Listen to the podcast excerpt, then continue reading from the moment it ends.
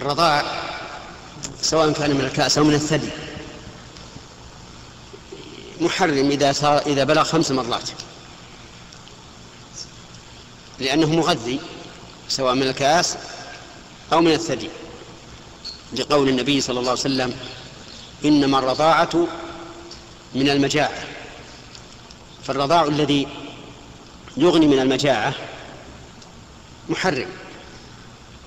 سواء من من من الثدي مباشرة أو بواسطة الإناء.